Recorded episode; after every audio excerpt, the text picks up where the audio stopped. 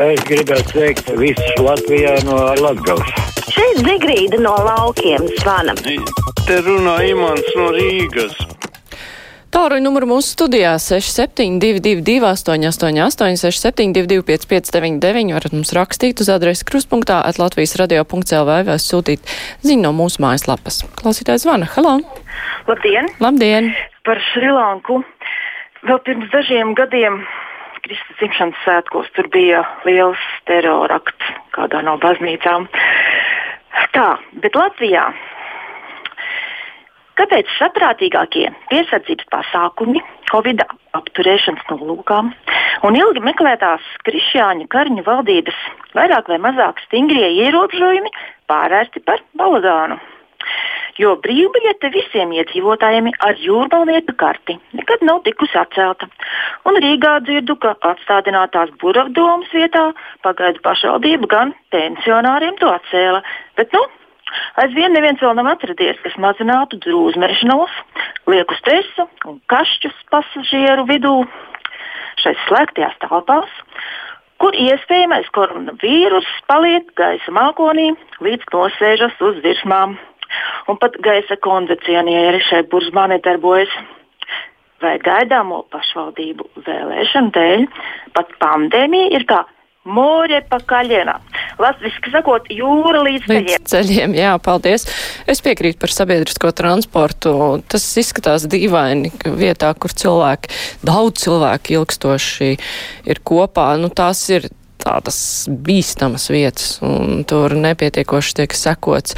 Es pat varbūt par tām virsmām tā neuztrauktos, jo ir jau nu, parādījuši pētījumu, ka virsmas varbūt nav tas trakākais tā vieta, uz kā varētu noķert infekciju, bet tieši tas gaisa mākonis, ko jūs pieminējāt, tas jā, tur turās un cilvēki elpo viens otra izpūsto gaisu un iespējams ir vīrusu. Klausītājs zvana, halā! Labdien! Labdien!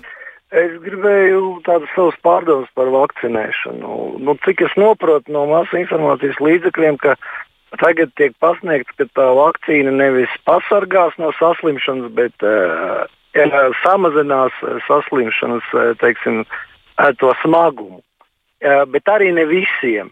Un tad man ir jautājums, ja jau viņi nepasargā no tās saslimšanas, tad sanāk, ka cilvēks, kurš ir vakcinējies, viņš staigās bez maskas un turpinās tāpat, kā saka, aplipināt pārējos. Kāda mm -hmm. ir vispār jēga tai vakcinēšanai? Ne, nu, vakcin... jā. Mm -hmm. Nu, jā, papildiniet. Plus vēl arī nezinu, nekas netiek runāts, bet tiek tikai caur puķiem pateikts, ka arī tās e, vielas, e, kas ir, e, ko iegūst e, kā imunitāti vakcinējoties, viņas ir pārējošas. Un pēc kādiem pieciem mēnešiem varēsim vakcinēties vēlreiz. Es Bet, nezinu, jā, jā, paldies, es sapratu. Par tiem pieciem mēnešiem es nezinu. Parasti ir antivielas pēc izslimošanas, ir tie 3-5 mēneši, pusgads, tas ir minēts. Bet kāpēc vakcinēties visu laiku jau tiek uzsvērts, ka cilvēks tāpat var saslimt? Viņš varbūt var mazāk inficēt citus, lai gan arī var, tāpēc eh, pēc vakcinēšanās tāpat nav atcelta masku lietošana un vispārēji piesardzības pasākumi, bet galvenais, ka tas pasargā no smagas saslimšanas, no slimnīcu pārpildīšanas ar eh, smagi slimojošiem pacientiem. Tas ir ļoti, ļoti, ļoti būtiski. Klausītājs zvana. Halo! Jā, labdien! Labdien! Es atkal ar par, par to pašu mūsu jauno vīrusu. Es ļoti bieži braucu ar 15. trolēbusu. Nepārtraukti skan reklāma, lai seniori iet vakcinēties. Cilvēks saskatās savā starpā, kas jau bieži brauc kopā uz darbu. No kur vakcinēties? Nav taču vakcīnas.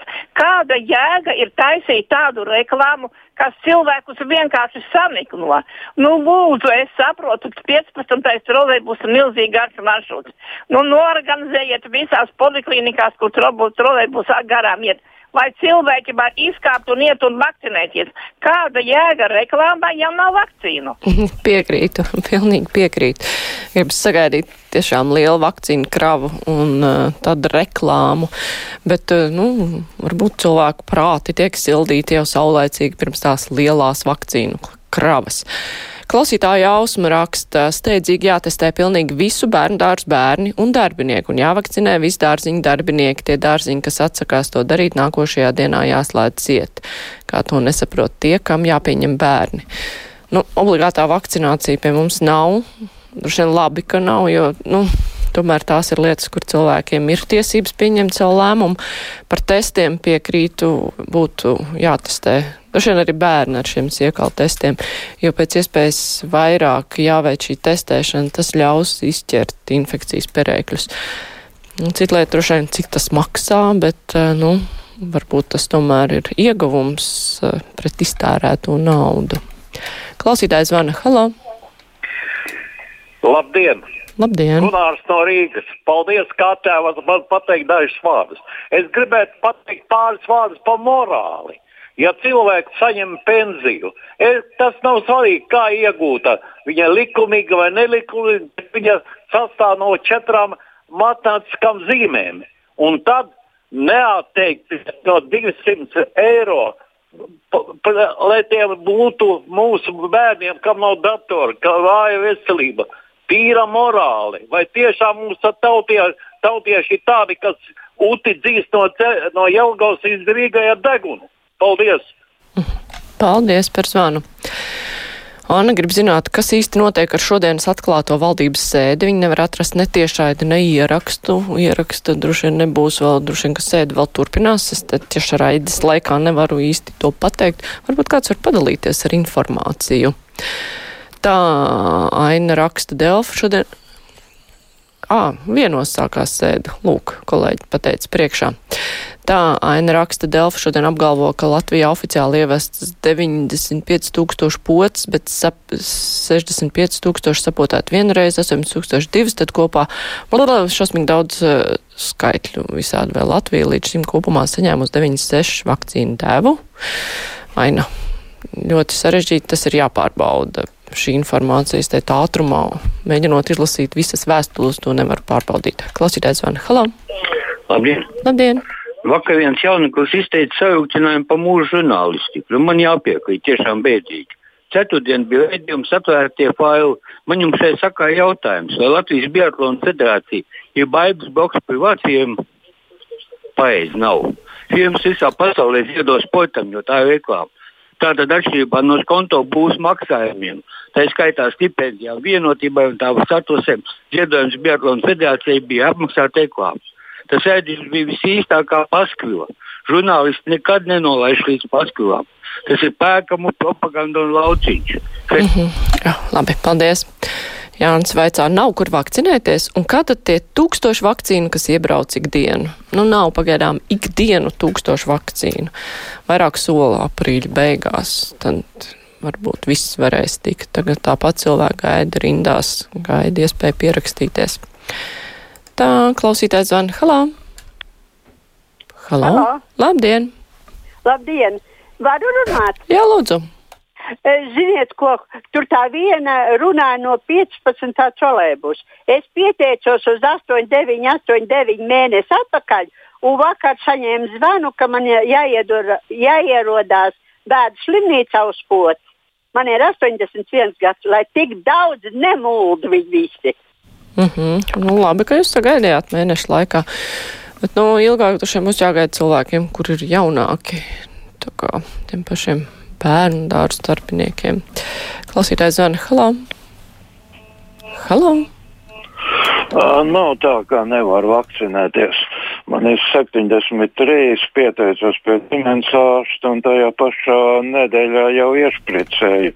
Un pēc tam ģimenes ārsta prezidenta monopolā stāstīja tāpat arī kā akadēmiķis Kalviņš, ka uh, vajadzētu ātros testus, vajadzētu ultravioleto stārija kārtas gaisa attīrīšanai un vēl vajadzētu arī piemērotas maskas, jo esošās maskas ir lielākoties nepiemērotas, vajag dažādi izmēri, tā, tā jau nav kā nekā nav.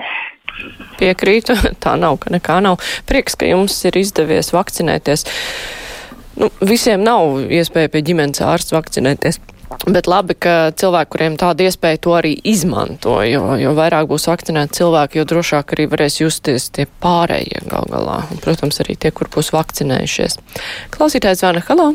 Uh, jā, labdien! labdien. Man, no sākumā man lūgums ieelpoja dziļi uh, gaisu, jā, lai sajust to smaržu pēc uh, nometnēm. Zinu, kāpēc? Tāpēc, ka noskanēja doma, visdīvainākais, ka no ļoti pazīstama cilvēka profesors izgudroja dopingus dažus un tā tālāk, un ko viņš tad saka, izolēsim veselos uh, slimus no veseliem. Ja? Bet šīs vīrus viņš taču ar to arī atšķiras, ka cilvēks nezina, slims viņš vai vesels, viņš nezina, jauns viņš vai vecs, un tad, uh, ko galu galā tik un tā būs jābūvē nometnes, ko es par to domāju. Ja? Nometnes, nē, nu, nometnes, tas izklausās traki. Tas, ka jūs sakat, ka vīruss ir uh, atšķirs ar to, ka cilvēki nezin, ka ir inficējušies un var inficēt citus. Jā, diemžēl tā ir. Tā gan nav vienīgā slimība, ir vēl citas tādas līdzīgas, kur cilvēks vēl jūt citin labi, bet var inficēt citu, bet nu šī tāda ļoti nepatīkama kaita. Klausītājs Vana Halā. Labdien! Labdien! Vai nevarētu veikt tādu, respektīvi visiem Latvijas iedzīvotājiem izmaksāt vienreizēju pabalstu, neatkarīgi no tā viņi pensionāri vai bērnu vecāki? Paldies! Mm -hmm. Nu jā. Hm.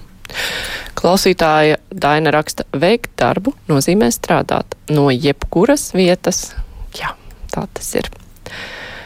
Tā un vaicā, kad un vai invalīdiem arī būs tas vienreizējais pabalsts 200 eiro. Jāgaida valdības lēmumu šajā sakarā. Klausītājs, ui, nē, tur pīkst, klausītājs Vana Halā. Jā. Labdien! Jā. Tā, es gribētu zināt, te runā par tām rezultātiem, bet kas tos rezultātus veic Biolārs e, vai Gulbja poliklinika, kura maksā uh, pulka reižu vairāk? Kurus rezultātus? Vakcinēšana, ne vakcinēšanas, bet paraugus tos slimības. Nu, dažādas laboratorijas jau pārbauda tos paraugus. Mums jau nav tikai viena galu galā. Tā, cik mums ir laiks, es varu vēl paspēt pacelt klausuli. Hal ne, atkal stopīja. Halo, klausītājs zvana. Halo! Labdien! Labdien! Man ir tāds priekšlikums par Latvijas rādio. Un tas varētu attiekties uz raidījumiem, muzikālu fonu, uh, Vai tiešām nevajadzētu ieslēgt vairāk latviešu mūziku, nevis pārraidīt elevātoru mūziku starplaikos vai skanot tekstām apakšā iet elevātoru mūzika? Pirmais jautājums. Otrs jautājums ir. Diemžēl otram jautājumam laika nav, bet es pati gribēju pajautāt, kas ir elevātoru mūzika. Nu, pieziniet rīt varbūt varētu paskaidrot. Paldies, brīvais mikrofons ar to arī izskan. Tagad būs ziņas, pēc tam runāsim par attālināto darbu.